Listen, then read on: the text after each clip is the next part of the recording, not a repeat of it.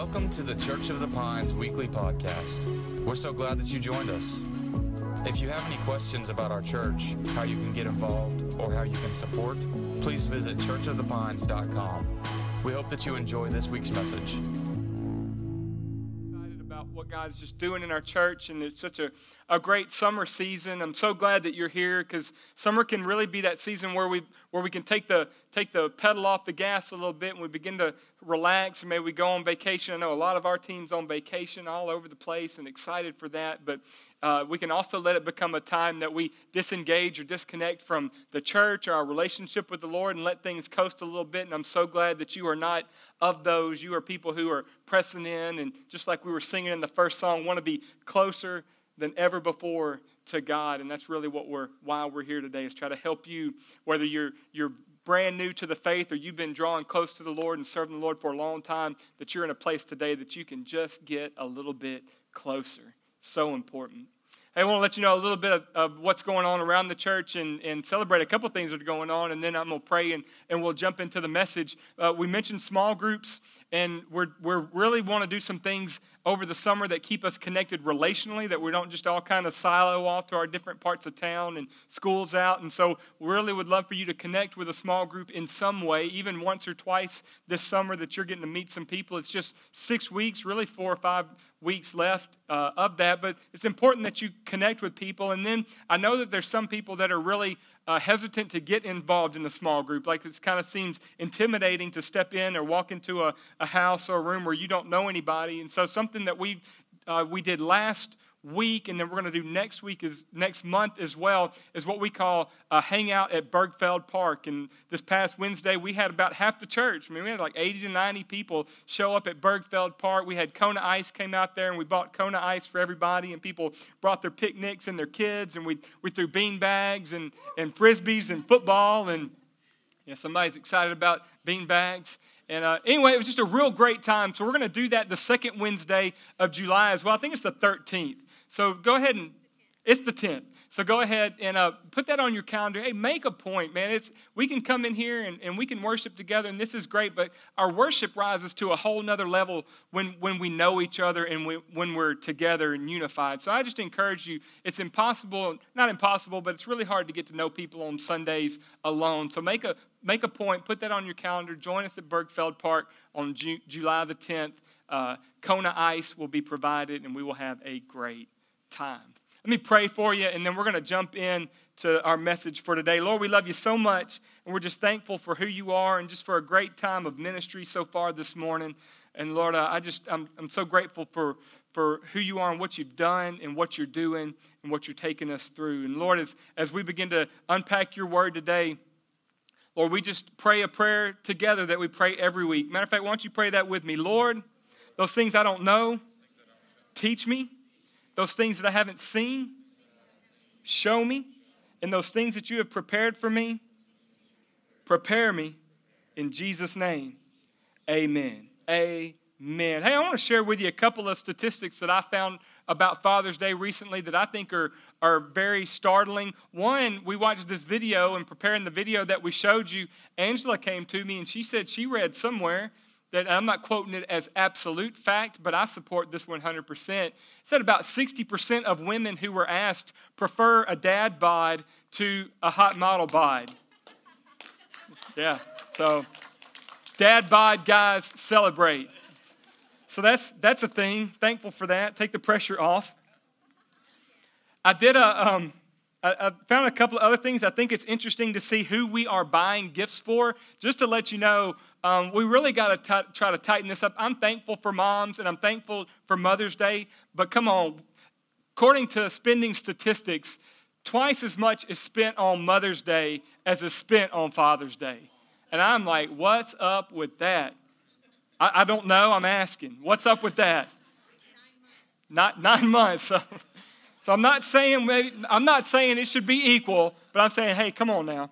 Let's tighten up. So, who's spending that money, though? I think this is interesting. So, when, when it, average spending on Father's Day gifts, and this, you'll, I don't know what you'll think about this trend. So, 18 to 24 year olds spend an average of $160 on their Father's Day gifts. Yeah, I know some of you like, oh my God. 25 to 34 year olds still maintain a high average with an average of $158 for their gifts. The drop comes at age 35 to 44, which is in my range when the average gift runs at $127. And then 45 to 54 year olds spend approximately $107 on their gifts. And in the age category 55 to 64, the average drops from to $84 per gift. And then the lowest spending category is those aged 65 and up who spend an, on average $69 for their Father's Day purchases. Yeah, I mean, I just I thought that's interesting. I mean, you can see the trend. I'm not trying to make a big significant point here. I just think when we're young and dumb, we just spend all the money we can. 18 to 24 year olds, like there's no, there's no right? We, we don't really have a good grasp on our spending habits yet. And then the older you get, you're kind of like, oh, I'm going to hold on to that a little bit. I don't spend it quite as fast as I used to. I think there's a little bit of wisdom involved there. But just some, just some statistics for you. And I was trying to kind of lighten it and make, an, make a, a soft approach in this morning because what I want to share with you message wise maybe not be so soft. We're, we're here we are on Father's Day, and, and if you've been here for the past few weeks, um, last week we had a guest speaker. One of our good friends, Jim Kyles, was here, and he preached a great message on, on uh, being in position to do what God wants you to do. Prior to that, we've been in, in the summer what I had intended to be no series. Typically, we run in series. And I, I, wanted to spend the summer because we're going to have a few people in that are going to have different kinds of messages. And I wasn't so interested in just doing a, a series for a series' sake, but I did the first message of the summer, and the Lord began to show me some things from the Bible that, I, that have it's become a series, a series that I'm calling The Essence of Christ. And it's important that we know whose we are so that we know what to do. And, and we had a verse that we started sharing a couple of weeks ago out of Second Corinthians chapter 2, verse 14. It'll be on the screen above me. It says, This is Paul who wrote the majority of the New Testament. He says, Now thanks be to God who always leads us in triumph in Christ, and who through us he diffuses the fragrance of his knowledge, of knowledge, his knowledge in every place. And then he says, so he's using us in this way. And Paul says, for we are, and he's talking about him and the believers of that age, we are to God the fragrance of Christ among those who are being saved and among those who are perishing. And I've just got hung up on that thought that we are to God the fragrance of Christ, not just to God, but among those among everybody that we do life with, among the people that we work with, and among the people that we go to school with, among our family, among our friends, in every, in every arena of life, Paul says we are the aroma of Christ, that we are putting off a scent. And those who are being saved, they, they perceive it or they smell it one way. Those who are dying and without the Lord, they perceive it and they smell it another way.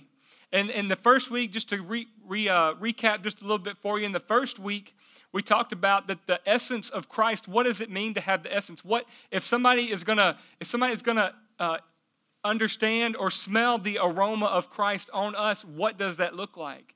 And then week one, we said it's faith, it's hope, and it's love that if they see anything in us and in our lives, they're going to know us and they're going to see that we are people of faith. Just like what we sang this morning, that regardless of the season of life I'm in, and regardless of what's going on around me, regardless of the situations or the circumstances, that we are men and women of faith. We are people of faith, and we are going to believe God and hang on. That, that word that word believe, uh, if you look at it and unpack it in the Greek, it means to, to, to trust in, to rely on, that we're going to hang on Him for everything, and that we're not going to let go, that we're men and women of faith.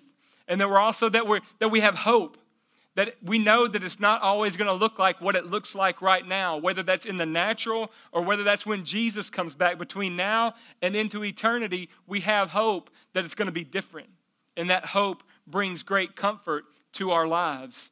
And then, in addition, the aroma or the essence of Christ in our lives is that of love. Jesus said that people will know that you're my disciples. They'll know that you're my followers. They know they'll know who you are when they see the love that you have for each other. That's why small groups are so important. That's what's so great about the dream team and serving together that it begins to we begin to form these bonds and it is the bonds that we have and the love that we share that people will know that there's something different about us. It's the essence of Christ that it's it's tangible, Paul's saying. That there's an aroma and people can sense it. And then we talked about two weeks ago before Jim came, we talked about truth that, the, that if people are going to know that we are followers of Christ, that if people are going to be able to experience Jesus through the life that we live, that an essence, an essence of Christ is truth. Jesus said, I am the way, I am the truth, and I am the life, and nobody can even come to God the Father except first they have a relationship with me. So he identified that he is that he is truth. And we talked about what truth is and that there are unchangeable truths and, and, and the way that the world kind of tries to track, tri- trip us up and distract us from living in the truth and that we can believe a lot of different things but we're not believing the truth and how important it is to have the Word of God in our life, how important it is to have a foundation of the Bible and Jesus so that we can understand and be able to see what is truth and be able to tell what is not truth. That's kind of how we, we got it started out. And then Jim was here last week.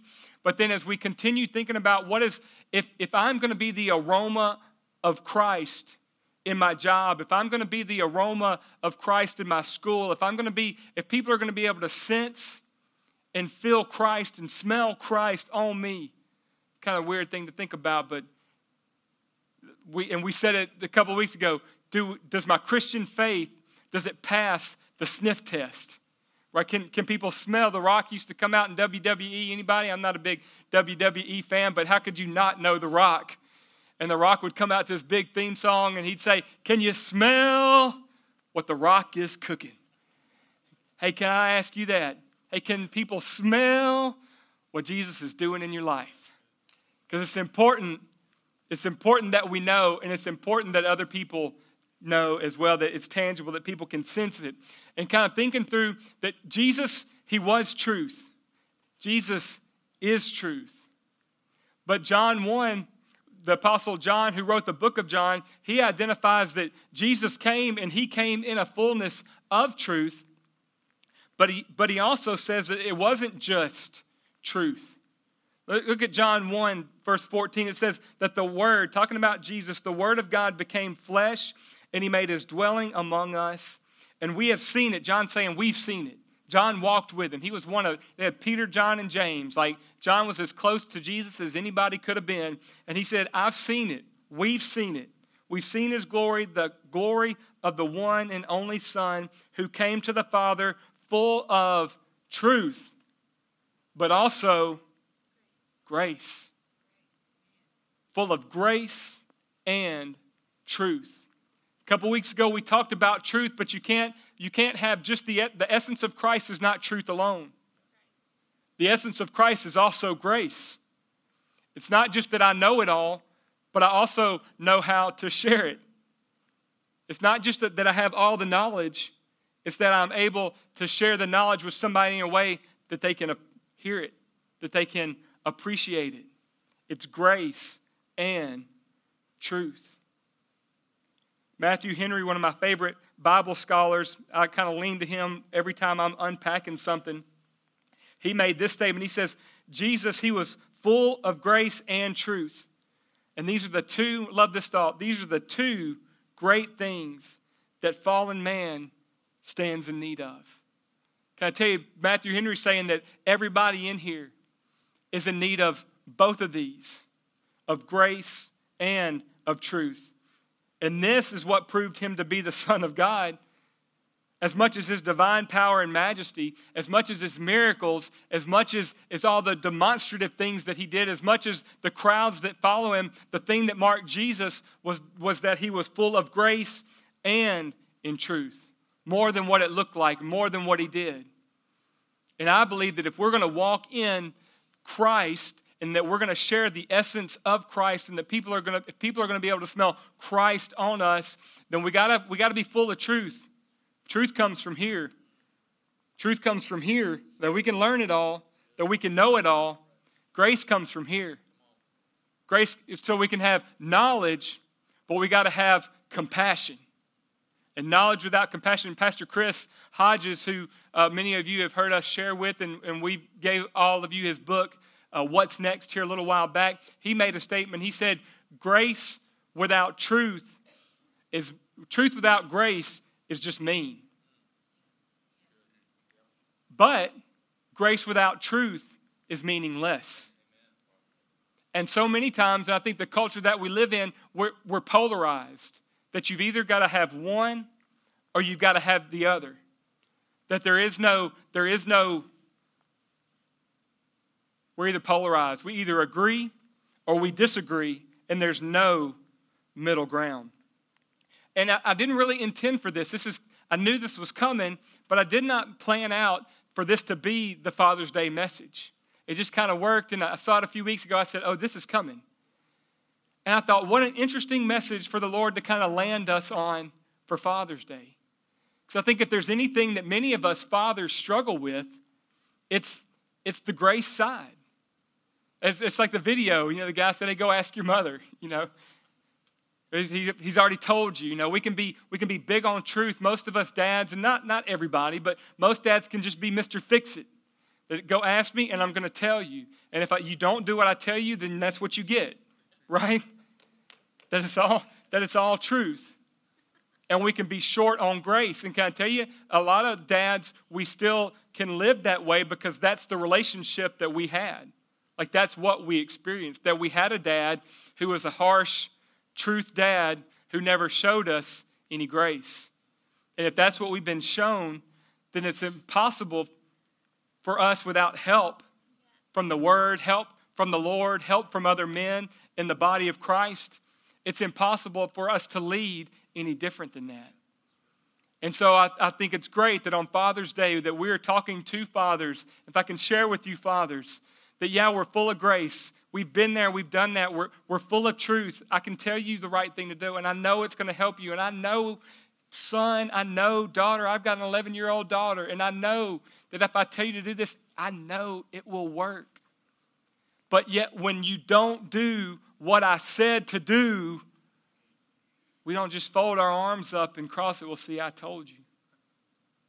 And maybe you're like, maybe that seems ridiculous as a father.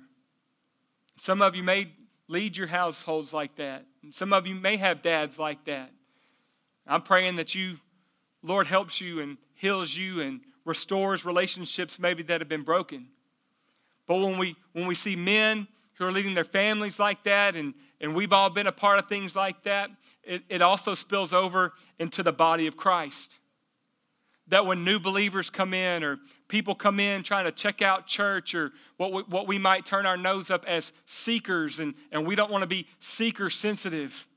We don't want to be sensitive to that because we got they just need to come to the knowledge of the truth. But sometimes they're not going to come to the knowledge of the truth until we extend them a little grace. We hear it all the time. I feel like I say it all the time. But people don't care how much you know till they know how much you care. And we've got to, just as a father most of us fathers, you're here at church on Father's Day. I'm sure you're a great dad. And as most of you would never treat your own children like that, we don't need to treat our other people in the church like that either. We don't need to treat people who are seeking after the truth and seeking after God the same way. And this is, if there is a tension in our culture, it is this that there's, there can't be both. There can't be that grace and truth have to be polar opposites and they can't meet in the middle. And that's why Jesus is the example. So, two weeks ago, we talked about that the essence of Christ is truth. Now, I'm going to have to step back and kind of alter it and say the essence of Christ is grace and truth. It's grace and truth that I, I know it, but I also want to show it to you. And so today I just want to share with you just for a couple of minutes on how do we share that? How, how do we live a life that exudes the essence of grace. We talked about truth, and you can go back uh, to pod, Apple iTunes podcast and check that out. We'll hopefully have a new website out this week that'll have all the messages available on the website. Everybody say amen. That's been a long, thank you for your patience for those of you who have been going through trying to find that. Uh, it'll be available this week. Or you can go back and listen to what we talked about when it comes to truth. But today I really want to focus on how do we live lives that exude the essence of grace to those who need it. So many times we think that, that it's all the truth and none, the, none of the grace. And so I just got five things that I want to share with you real quick on how we can live lives that, that exude or that share the essence of Christ's grace for our lives. And this is number one thing is we got to keep our standards high, but our grace deep. And I think that we get stuck on the standards high. Well, I don't want to minimize my standards. I don't want to lower the bar. Right? If, if, we're, if we're accepting and we're, we're loving and we're caring, and I'm going to extend grace to this person who is dead wrong, come on, somebody. You got somebody in your life right now who you just think they are dead wrong, and you know they are. And can I tell you, according to truth, they are. But just because we have a high standard, and just because we know they're wrong does not mean that we do not go deep in extending them. Can I say grace in another, another word? Uh, compassion. That I can still give them compassion. Another word, one of the Bible words for the word grace is favor. That even though I know that they are dead wrong, there's no reason that I can't do like Jesus did and, and give them a little favor. Be there for them. Paul in 1 Corinthians, uh, he wrote this For the message of the cross is foolishness to those who are perishing, but to us who are being saved, it's the power of God. It, for it's written, I will destroy the wisdom of the wise and the intelligence of the intelligent that I'm going to frustrate. So, there's, so the world thinks that they know it. The world thinks they have all the answers.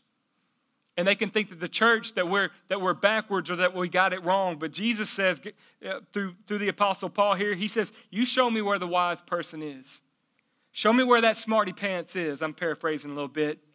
Show me where that mr know-it-all is. Where are they has not god made foolish the wisdom of the world so the world wants us to lower our standard and we think that we've got to lower our standard in order to show grace, but we can keep the standard high and still show grace.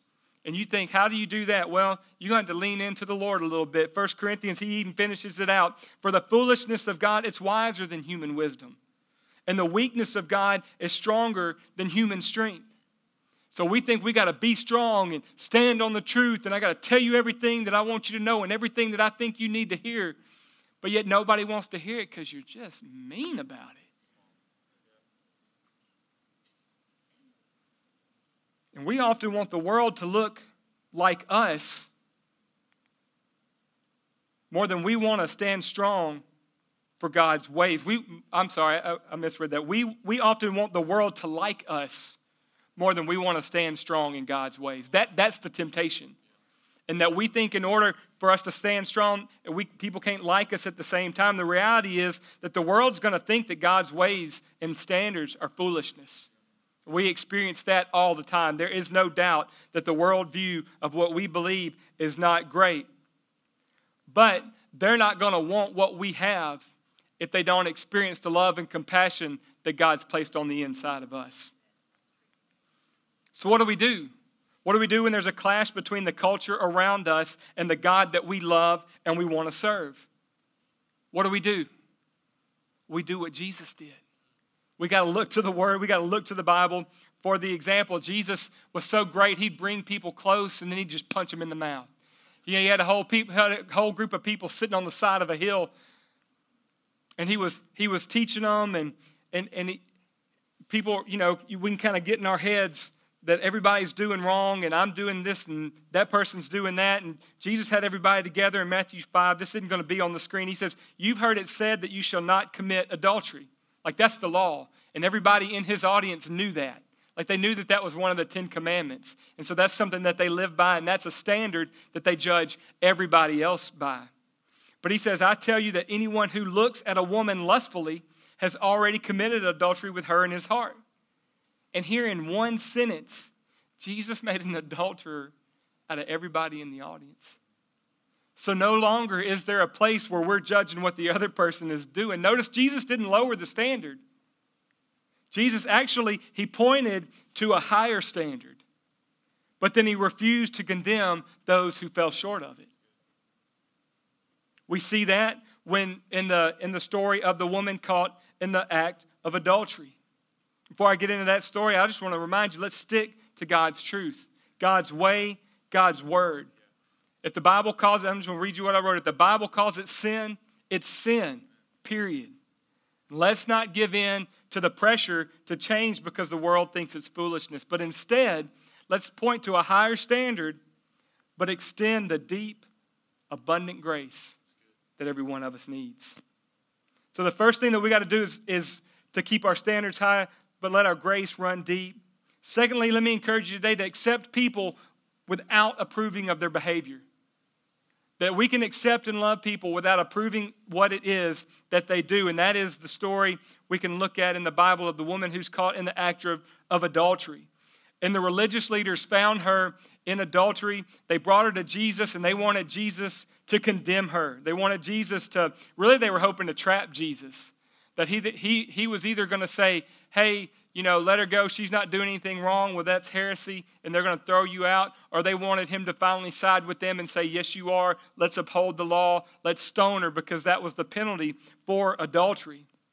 They were trying to trap him. Jesus is too smart for that. He didn't fall for it.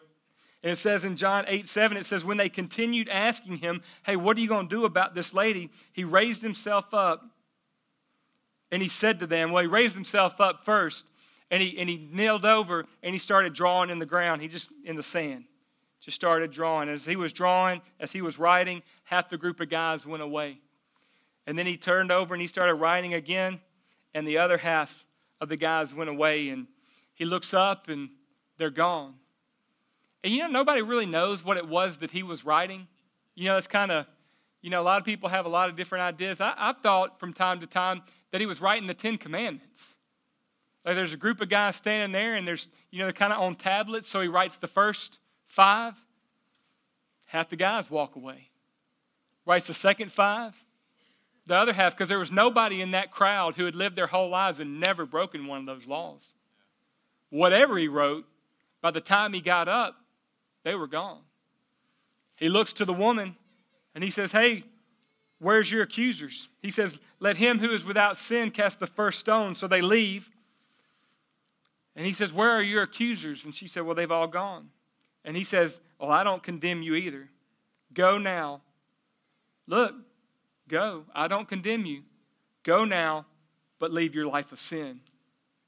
Jesus accepted her and respected her without approving of her behavior. He showed compassion without joining in the accusers. And he gave her a hopeful doorway out of her sinful life. There's no better model than this right here of how we engage with those around us who are participating in behaviors that God identifies as sin. Jesus is a great example. This is the essence of grace. Thirdly, we can never let the tone get contentious, which really that, that can be one of my biggest struggles. It's not just what I say, it's how I say it and we can start getting in a conversation and we can begin to disagree, and then the conversation turns south really quick. We've all learned by now that there are plenty of mean-spirited haters on social media and on message boards, and you know people who gotta got to gotta say it and gotta say it mean. And it's one thing to experience it online, but it's a whole other thing when it's personal in this one-on-one conversation that we begin to get contentious, that we, that we begin to get kind of argumentative, and then we begin to get defensive, and then we begin to get angry, then we begin to get antagonistic, right? Then we, it's like this, this kind of power struggle that we have. We get into theological boxing matches, we get into power struggles, we get into political debates, and then it starts getting hot, it gets heated, then we back up, we go to our corners, and then we start devising other ways to hurt each other and to argue each other and, and make it even worse. And then when it gets to that point, we've lost every opportunity that we have to have real communication. Real communication breaks down real quick when we start arguing, when we start getting argumentative. And instead of looking, and communication is, is communicating in, a, in an attempt to understand what the other person is saying. And this becomes communicating so that you can hear what I'm saying. And anytime that you're that the conversation that you're engaging in with other people becomes about being right, then that's when you need to check your heart. Because we're not conversation, our conversation is not based around, and my conversation with you about what's going on in your life is not about me being right. It's not about the truth. If, if we can't show the love and communicate at the same time, then we need to just kind of back up, right? Check our heart. Maybe you need to apologize. Maybe, maybe you need to, hey, let me, let me let you know. Can, can I just share with you where I'm coming from? Let me tell you how I feel. And say, again, this is like, this is not the dad message. Dads, we don't like to talk like this. Let me tell you how I feel about this. But if we're going to show compassion and we're going to walk in truth and grace, then we're going to have to be we're going to be more concerned about the relationship than we are about being right. And maybe it's not even time to have the conversation. Maybe we just need to postpone that to another day. But can I tell you, most people already feel the weight of the sin. Most people already feel the agony or the issue of whatever it is they're walking through. They don't need your help to walk through that. They need hope, which is another essence of Christ. See, we're trying to walk in all this truth and point people to hope, but what we're leading them in, the truth that we're beating them down with, is not pointing them to hope. It's driving, it's driving them down. It's just driving another stake in the ground. We need to be able to say, as Christians, and those of you who are Christ followers in here, that I know what that feels like, but I also know what it's like to be free. That I've experienced that and I've walked through something similar, but I also know what, it, what it's like to walk outside of that. And if you are here and you are struggling with the emotion of walking through these situations with people, me just encourage you spend some time with God. Spend some time in worship. Spend some time getting close to Him because His heart always replenishes our experience of grace. And when we encounter His love, when we encounter His mercy, and when we encounter His forgiveness, it's not hard to pass it on. It's the essence of grace in our lives. Next, we lead them to truth by identifying with their struggle. And sometimes we just we put on the church coat. We put on the church hat. We come to church and we, we button it up and we smile real big, like we got it all together. And I could never identify with anything that you're walking through, which is baloney. Every person in this room has dealt with the struggle, has dealt with an issue. And if we walk around, dads, if we walk around all macho like we don't have any issues and we can't help anybody, people want to know that there's a common struggle. I, was reading a book, and I, will share with you this uh, kind of confession is bad for the reputation, but good for the soul. Um, the book I was reading to study this, the pastor identified with, and I kind of identify with the same thing. He said, I am not predisposed to monogamy. Hold, hold up a second. What are you talking about, Pastor Les? I mean, that, that when, when a, a girl walks by in a bathing suit, like it, my natural man brain, it wants to look. Right? It wants to look. Y'all are like, where, where are you going with this? but in that moment, and I don't always get it right, but in that moment, I remind myself that that's not who I am that that's not who God made me to be. I repent from that. I ask God to forgive me, and then I draw closer and ask Him to come closer. And for every person walking around acting like they don't have that little, that little bit of struggle, you begin to think that you're better than everybody else.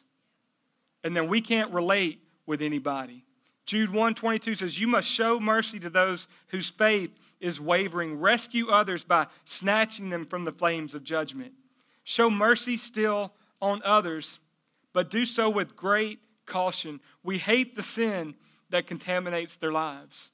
So we have mercy and compassion on the person. We don't approve. We're not accept. We're not. We're, we don't love the sin, but we love the sinner. Because God did the same thing with you and Jesus. He hated your sin so much that He sent Jesus to die on the cross for it.